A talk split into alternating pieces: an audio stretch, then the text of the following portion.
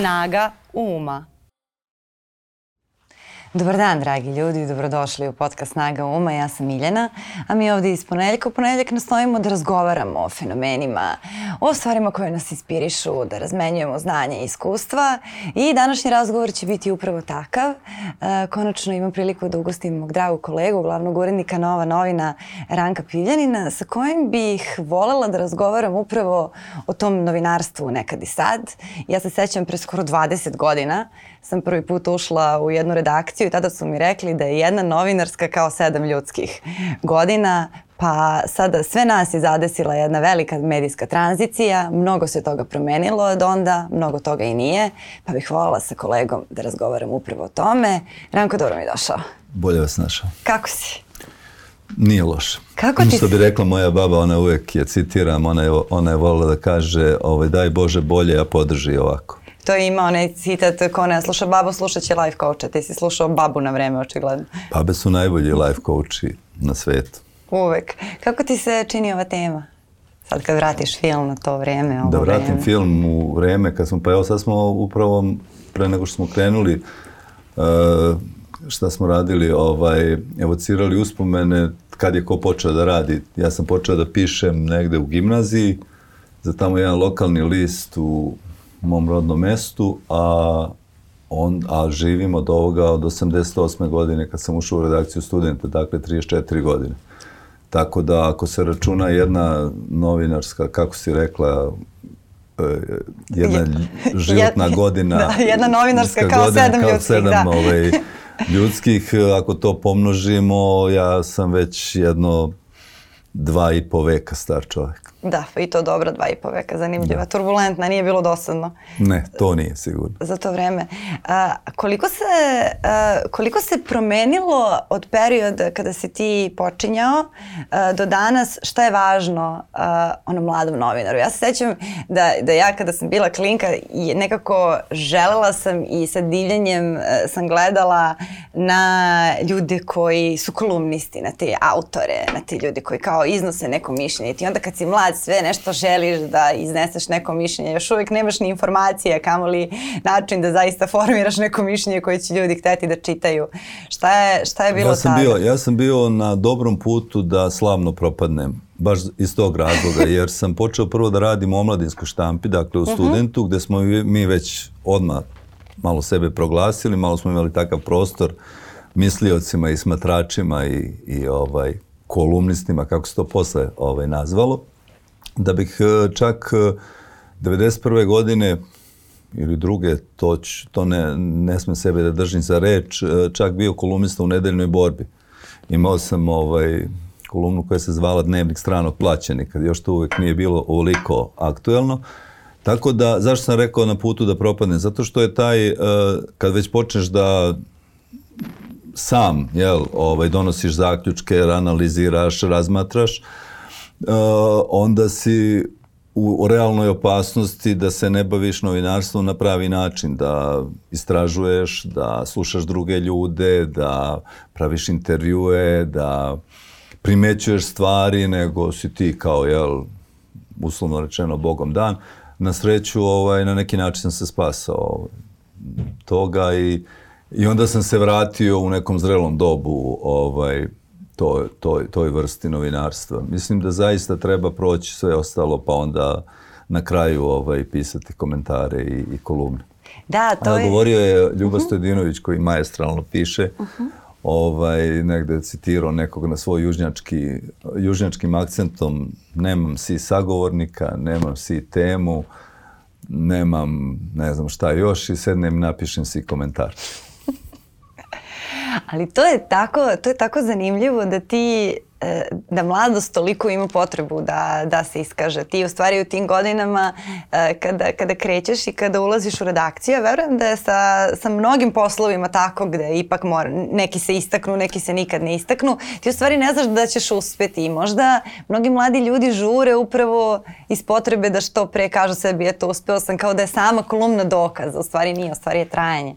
E, pa šta me još e, spasilo ovog što sam rekao e, malo pre jeste što je bila tada zaista adekvatna konkurencija, da kažem. Bilo je mnogo malo, malo novina, medija, i bila je velika konkurencija onda nije, nije se moglo baš proći. Danas nas ima, ne znam se, mrtva trka, ovaj, da li ima više novinara, političara, zvezda, znate, tada, tada nije bilo, znalo se i u muzičkom svetu ko su zvezde, danas su svi zvezde, jel?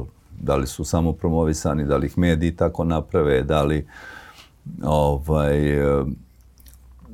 tako da je to bilo opet, eto, imao sam u, u tom smislu sreće. Inače, novinarstvo, ovaj, Ja sam ga odabrao iz jednog vrlo utilitarnog razloga. O, nisam želeo radno vreme i razmišljao sam gledajući tamo ovaj one ljude koji ne idu na zvižduk e, sirenu, na sirene ili već od šest, u smenu od osam, u rudniku, u cementaru, u, drvni kombinat. E, ja sam rekao, ja ovako ne mogu, mora na ovoj planeti postoji ovaj, sve, na, sve što se može zamisliti, verovatno postoji i profesija koja nema radno vreme i kad sam saznao da je to novinarstvo, onda sam se opredelio.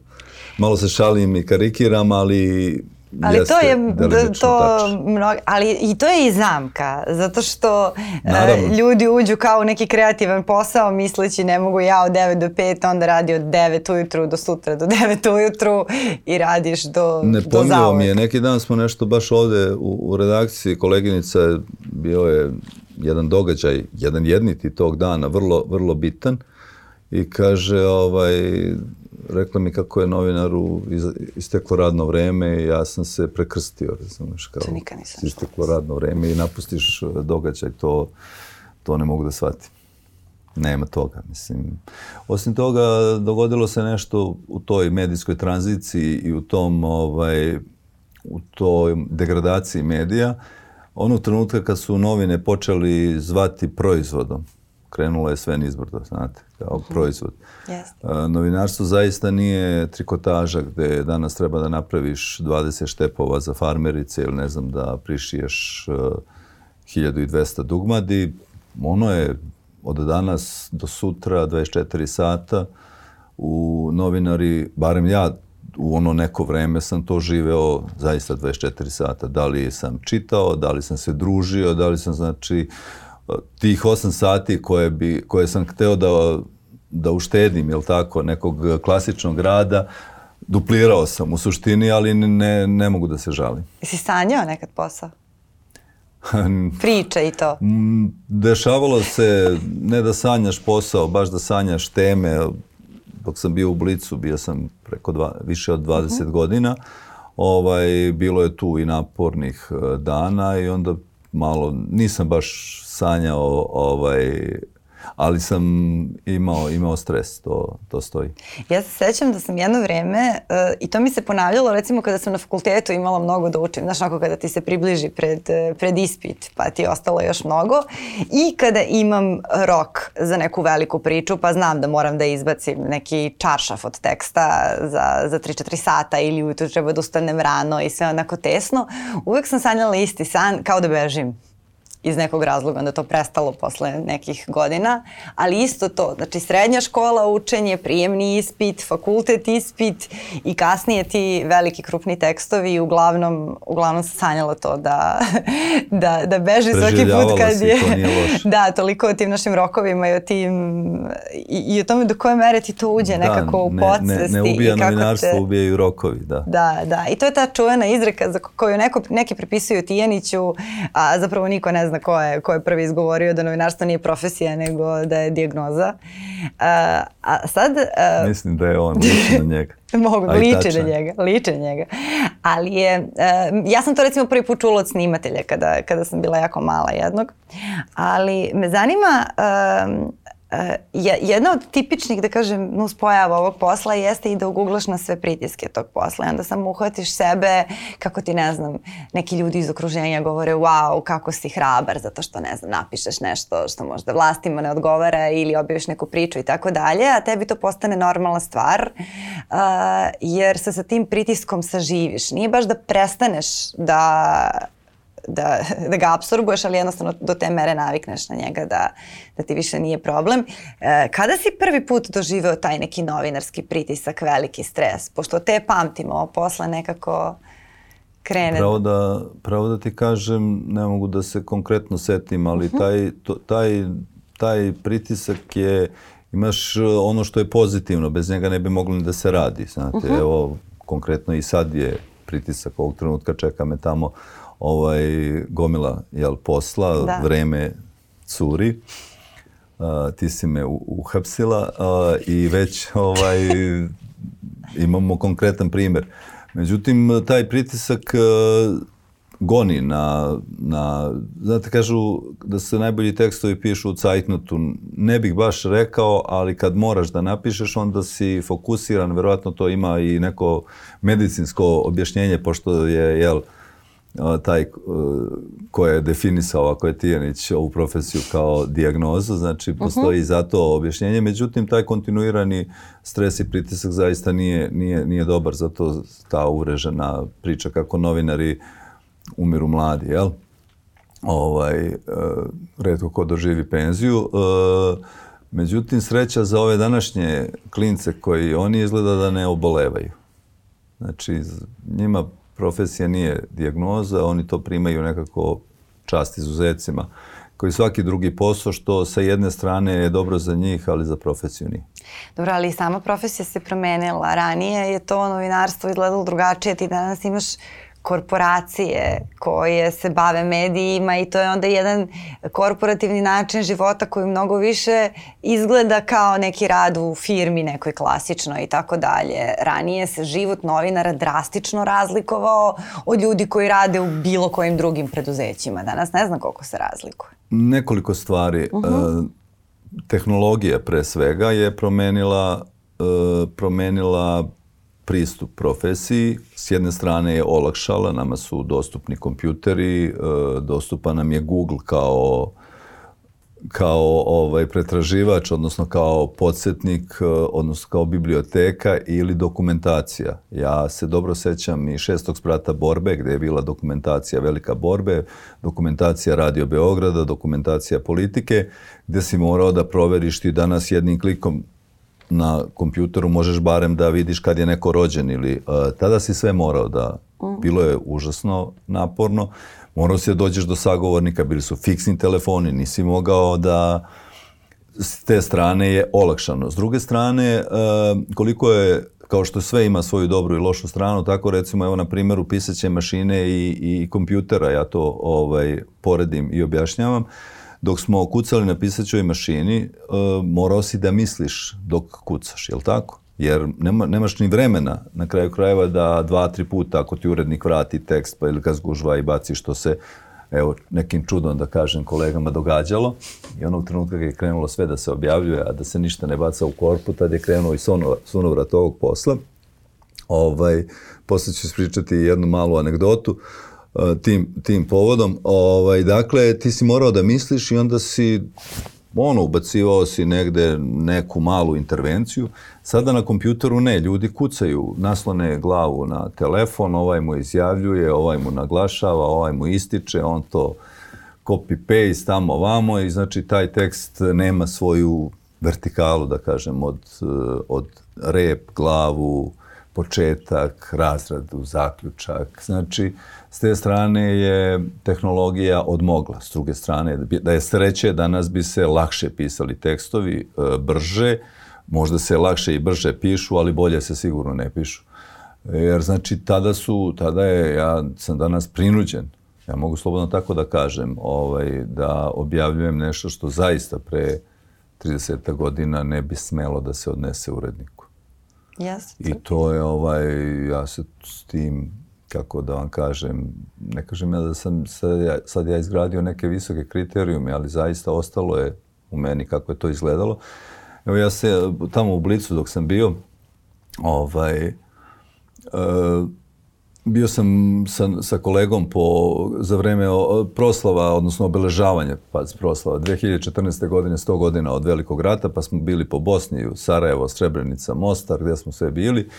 I bio sam vrlo, uh, poslednje što smo radili bila je Srebrenica i i, i pravio sam intervju sa jednom od majki Srebrenice, uh -huh. nažalost preminula je, Hatiča Mehmedović, ako nisam pogrešio prezime, nadam se da nisam, da se na ovaj način ne ogrešim o nju.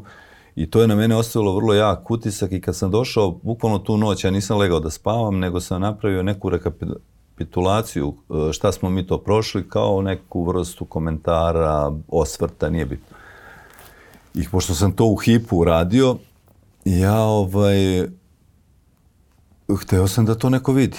Uh -huh. I sad u mojoj redakciji baš ne bi trebao to da govorim, nije mi bilo nekog ovaj, ko bi to baš na pravi način razumio. Ja se setim Anja Vukotića koji je tada u, u Hilandarskoj imao ovu ovaj, e, kuću izdavačku i rekao, poslaću ti tekst, nek ti skinu tamo, uzmi flamastere i ovaj, cvrljaj po njemu, radi križaj šta, šta ne valja. Rekao, neću da puštam dok to neko ovaj, ozbiljno ne pogleda. I on to uradi, ja svratim, uzmem i dođem u redakciju, stavim na sto ovaj, tekst i stavim onaj zadnji tamo. I ono što sam ja boldirao, što je meni bilo problematično, bukvalno je i Vukotić iskrižao, stavio, pa crno, pa nešto dodavao, pa tako. I sad naišao jedan kolega i gleda to, kao šta je ovo? Pa rekao, moj tekst. Pa kaže, ko, ko ti ovo ovaj, radio? Pa rekao, urednik. Pa kaže, on koji urednik? Pa rekao, je to to je, rekao, jeste problem. Ja jutro uzao sveću, traži urednika, ne, rekao, ima jedan čiča gore u Hilandarskoj i vidi, rekao, šta mi je uradio tekst. Ove, rekao, to je problem, rekao, danas sve objavljujemo, ja vidiš, može i ovako. Dobro, Nova novina, tekstovi u Nova novinama se uređuju i, i meni da. je to nekako na srcu, ja sam navikla da radim sa urednikom i koliko god i kad si urednik, a ja sam bila urednica, uh, nije isto da li sama uređujem svoj tekst ili ti urediš moj tekst, a ja uredim tvoj, zato što druge oči čitaju drugačije, naročito Uvek. kada je, kada je tekst svež i to što kažeš to što tebi bilo problematično, ali možda lepa rečenica, pa ti bilo žao da je baciš, manje će da je baci, njemu neće da bude Tako žao. Tako je, mi smo to, ja sam nekoliko godina Neka proveo... Neka lepa tu ne pripada, i to viđenje. Proveo u Ošišanom ježu i mi smo svi čitali tekstove ovaj, drugim kolegama, odnosno, ne znam, Radivoj Bojičić napiše tekst, čitam ga ja, moj čita Ljuba Stojadinović, Ljubin čita Milovan Vržina, nije bitno. Ovaj, čitali smo i meni je to sasvim normalno i, i ovaj, to smo i ovde zaista u novinama sa nažalost sad moram da kažem preminuli Stojanom kad smo pisali te da. kolumne da. uvek smo slali jedan drugom da, da oni drugi to pogleda ne zato što ćemo da dovedemo nekog u nepriliku nego uvek je bolje da, da, da neko to vidi. E sad, ja kada sam pomenula pritisak, Ne možeš biti u isto vreme i, i autor i kritičar, mada svako ko je yes. pošten prema sebi zna šta je napisao, da li to valja ili ne valja. Dobro, to stoji. Samo što ti recimo ako imaš tu priliku da napišeš tekst pa da ga pročitaš za pet dana, uh, ti ćeš onda i videti, ali ako imaš sat vremena, onda je bolje da ti pročita kolega jer će on tim očima Tako videti je, odmah kao što ćeš ti ovaj, tek kada ti se malo, da kažem, kada ti tekst izađe iz glave pa kada ga čitaš Zato i postoje da. i urednici i, kolege i, i lektori to. nekad. E, ali samo dokaz koliko je ovaj posao čudna jedna biljka. Znači ja tebi kada sam rekla pritisak, ti si krenuo da pričaš o rokovima. Uh, znači, do te mere se taj politički pritisak podrazumeva, ti pritisci koje, koje novinari realno trpe, mislim, svih Dobro, ovih godina mislim. i decenija, da kao pa da, pritisak na novinare, da, rokovi su problem, pa nisu rokovi samo problem, mislim, tu, tu ima jedna druga tura pritisaka pa ima, danas je totalno konkretno je ušla koleginica, jel, otud, ovaj, donela kovertu sa zaglavljem advokatske kancelarije, jel? Dobro. mislim, to je, ja govorim o ovome što je svakodnevno, ovo se događa, pa dobro, ljudi traže neko objašnjenje ili... E se sećaš prve tužbe i tih prvih Ne, nisam ja toga imao mnogo, uh -huh. zaista. Ovo, ovaj, ja sam bio reporter, uh, možda par puta, nisam nijedno izgubio, ne sećam se čak ni, ne, ne, se ne sećam, nije bilo ni pretnji, tako da to ne znači da nisam baš ništa radio, ovaj, ali mislim da me i ti koji ba mi to nekim slučajem palo na pamet i suviše dobro poznaju da zaista tako, ovaj, ja se trudim takođe da ne vređam, uh, koliko mogu da govorim i tumačim i pišem istinu i mislim da se tu negde i završava i ona koji bi me možda zbog nekog razloga ovaj, jel, uzeo na zub, uh, povuče ruču. Da. Meni, meni se i dan danas desi da me recimo deka pita sad za, sad za ovu poslednju kolumnu, pretposlednju kolumnu u Nove novinama a, apropo situacije na Kosovu i toga kako, kako su svetski mediji neki govorili kako je Srbija mala Rusija pa sam pisala o tome. I sada da me deda mrtav hladan koji je sa mnom sve vreme mislim da on pročitao da je moj najveći fan da je pročitao sve tekstove kako to već e, funkcioniše sa članovima porodice da me on pita si ti imala probleme zbog tog teksta? Kao jer ti neko pretio? Šta su ti rekli rekli u redakciji, ja se dešava tebi to i dalje nekada? Ja te ljudi pitaju da li imaš mislim probleme. Mislim da je to zanimljivije, ovaj, zanimljivije kad sam upisivao političke nauke, pošto moj pokojni stric nije bio da ja sam upisao bio književnost i, i ovaj, jugoslovensku i svetsku književnost, ali sam moglo je tada u dva dana se polažu prijemni. Ja za svaki slučaj da upišem i ovo, otko znam da li me tamo prime ili ne, nije bitno, ali ovaj mi nije dao da spremam prijemni. Uh, sad imao sam ja tamo neke bodove, uradio dobro pismeni rad, ali za, na usmenom delu ja nisam, nisam bio spremio, ne znam, trebalo tamo neke sociologije, ovo.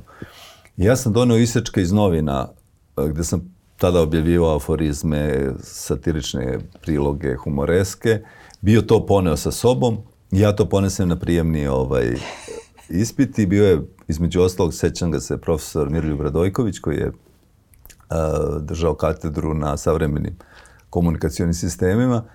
I ja mu kažem, profesore, ja nisam nešto spremio ovaj, kako se zove, teore, teoretski deo, ali evo vama ovo i vidite da li ovo nešto valja. I sad on to uzo, čita, ovi okolo lude. On to gledao, gledao, gledao, kaže, e, odakle si ti, samo ja kažem, ja sam pljevlja. Dobro. Jeste imao problema zbog ovoga? Ja kažem, nisam. Kaže, onda te nisu za ozbiljno uzimali. Dobro, ali tada je tako funkcionisalo. onda te kaže, nisu za ozbiljno uzimali. Možda me ne uzimaju za ozbiljno, pošto ja uvek gledam malo da bude satire, ono što je bila moja bazična uh, profesija, jel, kao krenuo sam kao satiričar pre svega, tako da me možda zaista ne uzimaju za ozbiljno, što nije loše. A, a koliko je danas uh, simptom vremena medijskog da je maltene poenta da se više niko ne uzima za ozbiljno, da se e, i akademici i pisi i vrhunski novinari i ljudi koji su od veoma oštre misli svedu na, na isti nivo kao ovaj, neki koji samo tako eto pričaju i, i da se sve svede na priču da ne kažemo baljezganje. Da, izraz. da se sve svede na, na, pa na dobro, ovaj, to je, to je, i vrhunske to, misli. I... To je, ovaj, to je manir ovog doba, da se sve relativizuje. Tada može svašta, kad e, može e, da se priča svašta o svačemu, e, onda se ne priča ništa ni o čemu i u toj kakofoniji koja se tako pravi, imamo ovo na čemu faktički danas aktuelna vlast vlada, je li tako?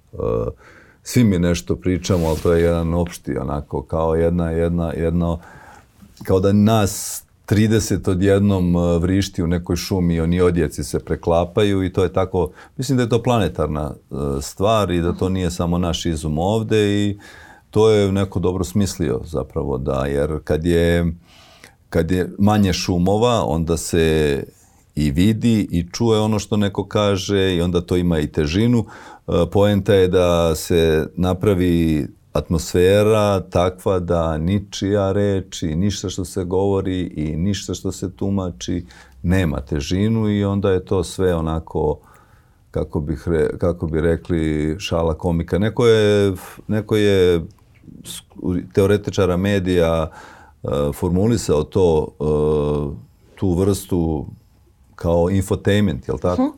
Kovanica od informisanje i, I zabava. I zabava, entertainment. Da. Uh, infotainment. Da, da, e, da. tako to danas i funkcioniše, naročito u ovom digitalnom dobu gde sve mora da ima jel, neku brzinu, površnost se Da, da. podrazumeva, ono što je nekad e, se izbegavalo po svaku cenu, sad se maltene na tome insistira i bože moj. Pa dobro, kad smo svi zvezde, svi toliko sijemo da više niko ništa ne vidi od tolikog blještavila, od toliko glasova, od toliko stavova, od toliko Pitali ljudi su, koji objašnjavaju pitali su nešto. jednom Bogdana Tirnanića ovaj, koji je ovaj, bio stvarno par excellence novinski pisac, ja tako mogu da, da ga nazovem, ne samo novinar. Ovaj, čitali kolumne svojih kolega, on je rekao čitam sa bolom u duši. Tako da, mislim da, je- da se stvarno preteruje i da ja bar vo, vodim računa, ne znam koliko uspevam, to, to čitaoci na neki način, ajde, nije odziv loš bio u, u nekom smislu, da, da se ne, ne falima i da ne, ne kudim, da mora to, ne može da se piše tek tako. Ne, može da, ne možeš da pocenjuješ, jer te čitaju ljudi koji su pametniji od tebe. Deo. E, čitaju te ljudi koji su prosečno obrazovani, oni trebaju da te razumeju. Znači, velika je umetnost, e, e, prvo hrabrost da imaš mišljenje, da ga izneseš o nečemu, podrazumeva i neko, ne neko, nego dobro znanje, podrazumeva obaveštenost, podrazumeva pismenost, podrazumeva odgovornost prema sebi, prema onom napisanom, prema onome ko će to da čita. Kad se svi ti uslovi steknu, onda možeš tek da sedneš i staviš gore, piše Miljana Nešković. Da, da. I, a do tada, Pa mislim da bi trebalo tako. jeste, da, Znaš, trebalo ja sam bi se tako. tu šalio ovaj, sa, da ga pomenemo sa Veselinom, ovaj, e, našim Vesom koji je pisao kolumne sredom i nekad on za sat se pojavi ja kažem neću da objavim. I ovaj, ko ne može za sat, kako za sat si da, napisao nešto šta. Ako zamisliš ako pre 30 godina ti meni dao da ti napišem komentar, ja ti došao za sat vremena, ovaj, ti mejstor iz kancelarije je rekao, kaže, to je tačno. Dobro. Nije imao mene pored sebe da ti kažem da, ali on Ne, tu naravno, kolumnu nije pisao naravno. vremena, on je nju pisao 35 godina, se za je- nju pripremao. To je isto, isto, isto ima anegdota, pripisuje se Picasso koji je ovaj, neko je došao kod njega da ga, da ga on portretiše Uh-huh. I, i on rekao sačekaj me u ateljeu, dolazim za nekoliko minuta i dođe Picasso i sad za 10 minuta ona njegove "Mm", i ček na milion dolara i ovaj kaže, ali gospodine Picasso, za 10 minuta milion dolara. Ovaj kaže, ne gospodine, za 40 godina i 10 minuta. Da, da, da, to je ta, to je ta čuvena, ali i mišljenje, Da. i, i, razmišljanje i promišljanje i informisanje tokom, tokom svih godina, to prosto tako ide. Ja sam negde... Ne mislim ja da Mhm. predimenzioniram, izvinjavam se, nego da eto malo skrenem pažnju da mora biti temeljnije. Ako ništa Pa drugo, barem to ispod čega ili iznad čega tvoj, stoji tvoje ime i prezime, ako misliš da te neko za, uzme za ozbiljno, da se vratimo na onaj malo pređešnji Da, a to je taj, e, taj moment e, koji sam davno pročitala negde, da se ljudi obrazuju, ne znam, od 8 ili 10 godina do 20 godina tokom svog života, najviše da kažem da provedu, a aktivno obrazujući se i, i sti, u sticanju znanja nekog akademskog ili sličnog, sad u zavisnosti od toga kog, e, koliko daleko žele da idu, a da tokom celog svog života konzumiraju novinarske sadržaje. Namerno sam upotrebila taj termin konzumiraju jer se sve češće Da, da. konzumira. A, I da se zapravo kroz novinarstvo obrazujemo ceo život.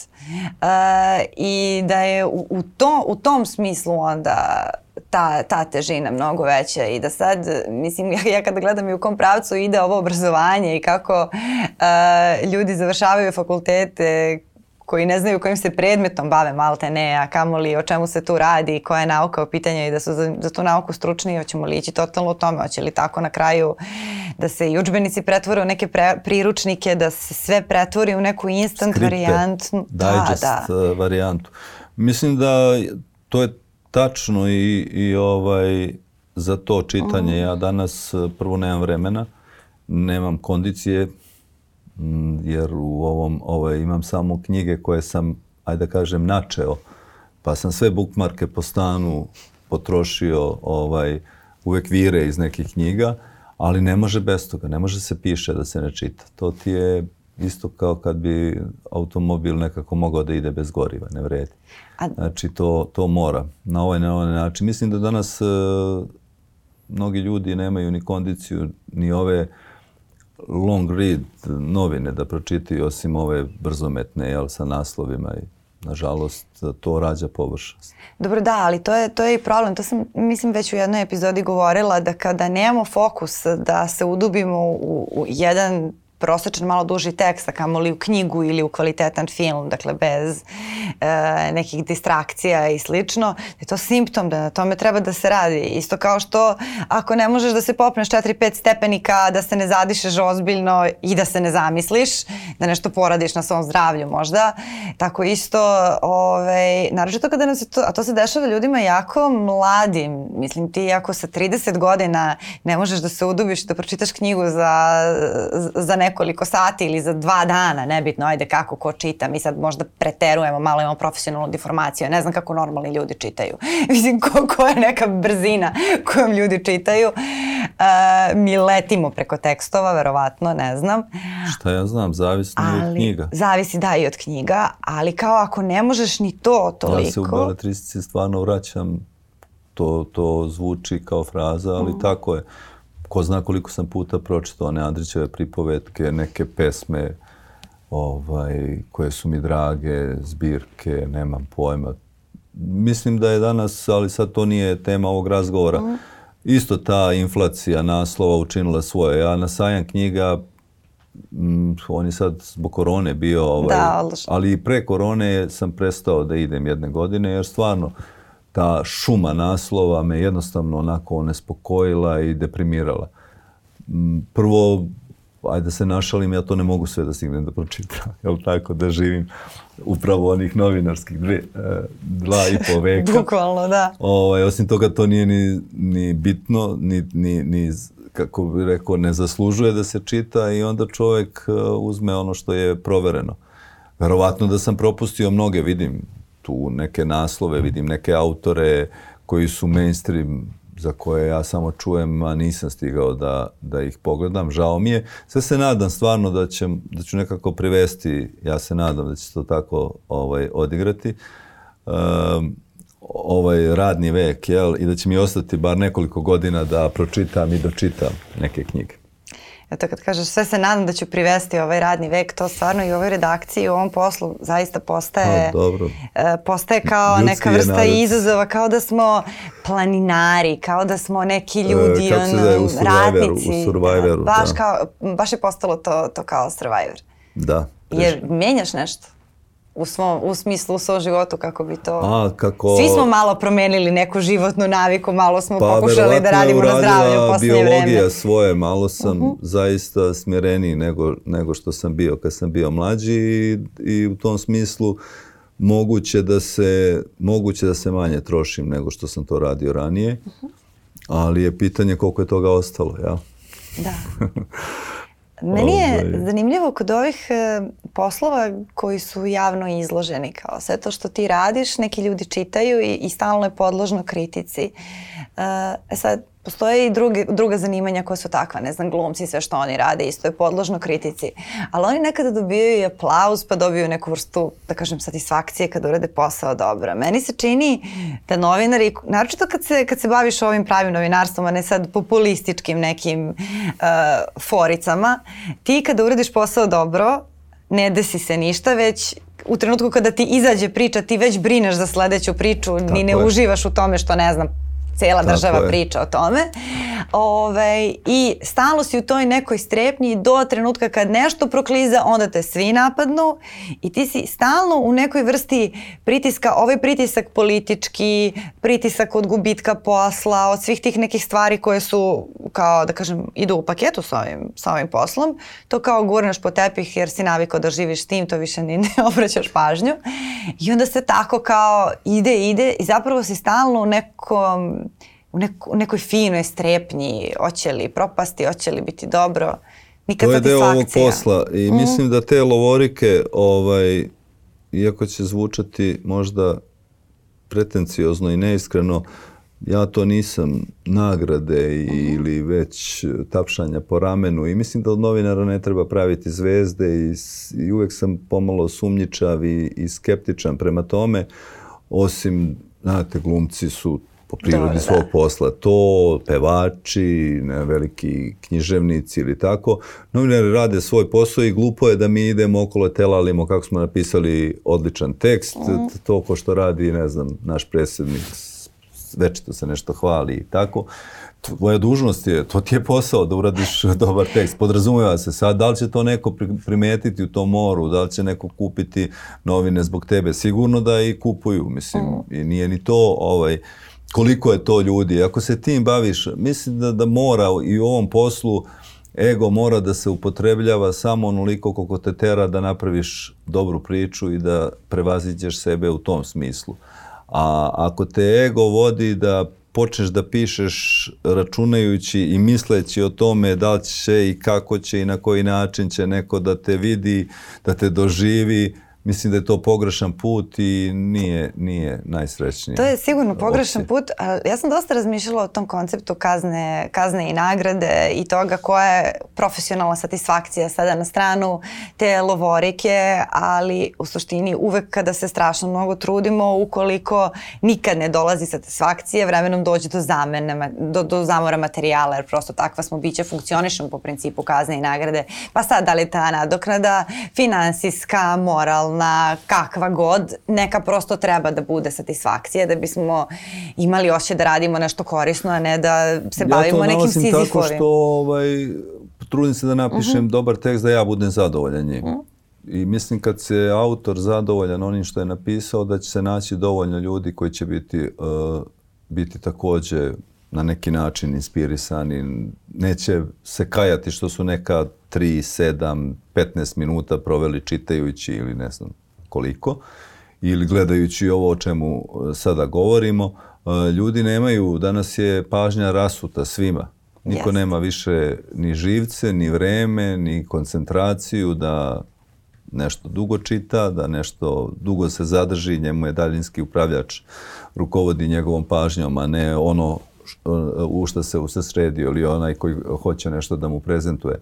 Ali što se tiče tih, evo, ja mogu da kažem, stigne neka, neka potvrda u tom svetu, meni draga, negde se ne znam, sad više se stvarno ne sjećam šta je bilo u Pančevu, ali tamo su pripretili ti ljudi koji su se borili za neka svoja prava, ako ništa im ne urade, onda će oni da zovnu ovaj, mene, ja, iz Blica tada kad sam bio i to ne znam kako došlo do mene.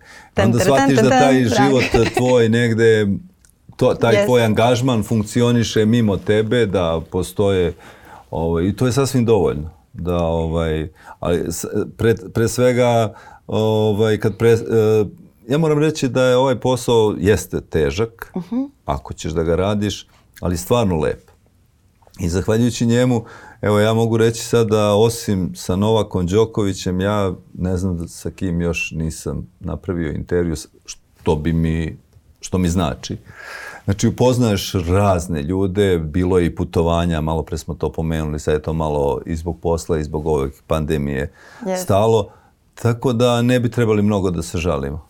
Meni isto ovaj posao doneo, ja mislim, toliko neverovatnih razgovora, to je takav jedan, pre svega, zaista realno intelektualni Ima, kapital kada da, imaš tu priliku da, još sam ja radila dosta tih intervjua i razgovora kao što su ovi gde stvarno imam priliku da učim od nekih naj, ono, zaista neverovatnih ljudi i to je, i to je fantastično, ali sam razmišljala baš o tom, o tom zamoru materijala i o nekim ljudima a, koji su u našem poslu bili primeri hrabrosti, sad ako hoćeš možemo da imenujemo, a i ne moramo kako god, bili primeri hrabrosti hrabrosti, primjeri e, kvalitetne reči, elokvencije, primjeri možda i prkosa vlastima i tim nekim e, nametnutim pritiscima i onda samo ušli u neke godine kada bi prosto već trebalo da se povlače i totalno sve pustili niz vodu. Toga nema samo u novinarstvu, imaju intelektualnim krugovima, da ljudi dođu do neke tačke i onda samo sve zašto su se po 20-30 godina borili. Držali glavu u torbi, hapšeni bili, trpeli one vodene topove, šta sve već. Ajmo, doviđenja, evo ti ključevi. E, kao i u svemu, u životu što čovjek radi treba izdržati do kraja. Dakle, možeš 30 godina jel, da budeš, posebno danas dok nije bilo ovih medijskih sokoćala, znate, kad ukucate, ne znam, moje ime, prezime, tamo izađe nekih 20 i kusur, 30.000 jedinica, ti si izložen, svi mogu da provere. Uh -huh.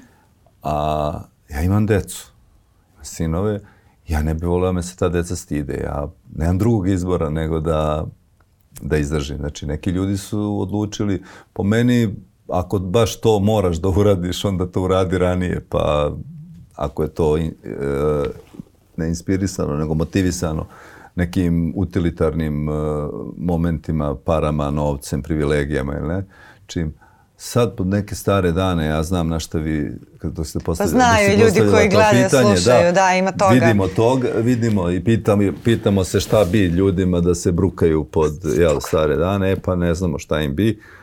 Ali Kako moj treba idi u zatvor da se, šest meseci ako su te nečem ucenili, pa nemoj ceo život la, ono... Lako je to reći, otko znam, možda ne daj Bože iskušenja što se kaže, ali uh, pokušavam tako da izradim da to da koliko god možeš ostaneš čist do kraja. Mislim da je to, to je uspeh jer uh, izdržati, da. E, I hvala ti, hvala ti mnogo na tome. Hvala ti na ovom razgovoru. E, mislim da je bio koristan pre svega nekim mladim ljudima koji žele da se bave novinarstvom, novinarstvom. Da, ja inače mislim da treba da se priča o tim nekim vrednostima i da, da te neke stvari koje se možda nama podrazumevaju se odavno više ne podrazumevaju da treba da se govori o njima i mirno. A, a hvala ti što vodiš redakciju tako kako je vodiš posle svega što nam se desilo sa našim kolegama koje smo nažalost morali da ispratimo. Zaista si se tu pokazao i kao divan urednik i kao divan prijatelj. Tako da, eto, samo morala sam i to da kažem jer bi bilo jako čudno da to ne pomenem. Lepo je da ih se setimo, da. Jeste. Eto. A sada da su, da su oni tu sa nama kao što nisu, sigurno bi to sporili apropo ono zvezda i rekli ti da si ti zvezda našeg portala i naših novinara. Imaš ubedljivo no, najveći jo. broj fanova, posebno ženskih, ali I oni su bili to nije na meni da pričam. i ovaj, da bi me zezali na, na, ovaj, na sva usta sa, sa pravom. Hvala ti još jednom. Hvala tebi. Ja se nadam da ako ovo što si rekla, da ako je bilo od, od polze, jel, što bi rekli za mlade ljude, to toliko, ovaj, nadam se da će ostati neki posvećenici zaista. Bilo bi ružno da ova profesija eh, da ova profesija završi u ovom blatu u kome je sada, da tako skonča. Ja se nadam ako treba da se pogine, nek se pogine junački, ja, kao na, na onako, ovaj, kao na nekom bojnom, bojnom polju. Ovaj, ima, ima, ima jedan, eto, time ću završiti ako ne, ne, ne uzimam ovaj, vreme, da je, ne znam da li je to bila književna kritika, da će jednog dana o, po, o, o smrti poezije priče, uh -huh. znaš. O, I sad kad su počele ovi razni eksperimenti sa poezijom, te haiku, te o razvaljeni stih, te ovo, ja sam se šalio ovaj, znajući za tu priču o smrti poezije, samo uh, nisam znao da će umirati ovakvim mukama, tako da ne bi volio da novinarstvo, jel, da ne završimo tako, tako, nadam se da će se i ono trgnuti i vratiti na neke barem osnovne principe koje, na kojima je počivalo kad je počinjalo. I da će doživjeti neku renesansu Nadam možda. Pa ako ništa ono počiva na ljudima koji su u stanju da s pažnjom slušaju ovako mirne razgovore, da se ne unervoze i da ne skroluju i, ove, i da veruju i dalje da su normalne pristojne stvari moguće. Nadam se da im nismo bili dosta. E, ove, hvala ti još jednom. Hvala i vama na vremenu i pažnji. Sa nama je danas ovde razgovarao kolega Ranko Pivljanin o nekim starim, novim, budućim vremenima u novinarstvu, razmenu informacija, razmenu i misli. Nadam se da ste se malo zamislili zamislili, da su se možda inspirisali, mi smo tu i sledećeg ponedeljka na Nova RS. Prijetno.